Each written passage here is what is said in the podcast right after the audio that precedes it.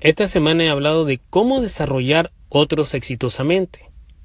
Desarrollar a otros en una organización es una tarea crítica para todo líder. Y hemos visto y he hablado sobre un proceso de tres pasos. Ahora nos toca saber cuál es el tercer paso para desarrollar a otros exitosamente.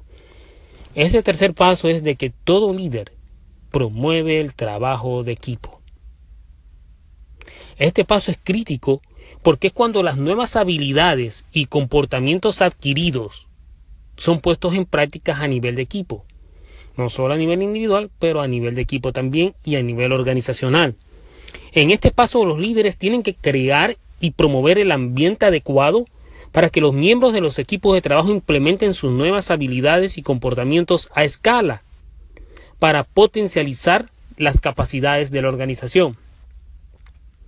Esto es muy importante. Todo líder tiene que crear ese ambiente, tiene que crear las oportunidades para que las nuevas habilidades y los nuevos comportamientos sean implementados y vistos en la organización. Porque vamos a coordinar todo.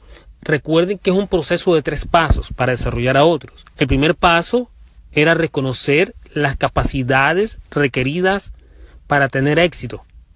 ¿Qué capacidades necesita tener la organización para tener éxito? Número dos, una vez que el líder reconoce cuáles son esas capacidades que necesita tener la organización, diseña qué habilidades y qué comportamientos deben de dominar y poseer los miembros de los equipos de trabajo de la organización para, para reflejar y para maximizar y optimizar las capacidades que la organización necesita para tener éxito. Pero una vez que esas habilidades han sido impartidas y los comportamientos han sido modelados, ahora le toca al líder crear esas oportunidades para que los equipos de trabajo, para que sus empleados apliquen esas habilidades, las implementen y muestren los comportamientos que la organización necesita para poder tener éxito. Es simple, este es un proceso de tres pasos que cuando son bien ejecutados pueden traer grandes beneficios a la organización como para mantenerse competitivos, mantenerse productivos, eficientes, efectivos y tener una fuerza de trabajo con una alta moral y una alta eficiencia.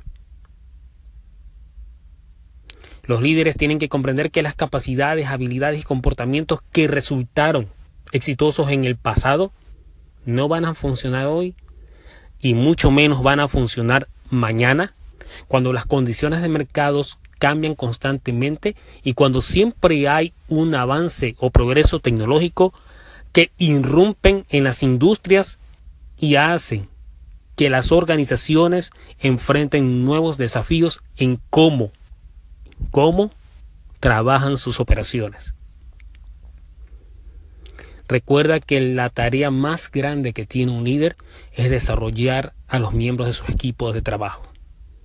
Pero tiene que ser un desarrollo con propósito, un desarrollo con visión, un desarrollo con objetivos claros, un desarrollo personal que permita un progreso de equipo y permita a la organización tener éxito global.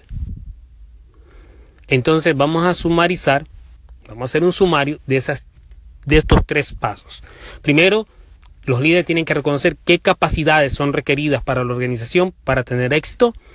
Número dos, diseñar y crear cuáles son las habilidades y comportamientos que los empleados y los miembros de trabajo necesitan para maximizar y potencializar esas capacidades organizacionales.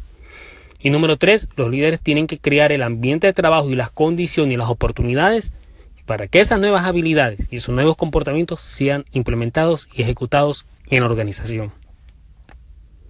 Es un ciclo que vale la pena para mantener a las organizaciones competitivas. ¿Qué tú piensas? Construye batalla. Hasta la próxima.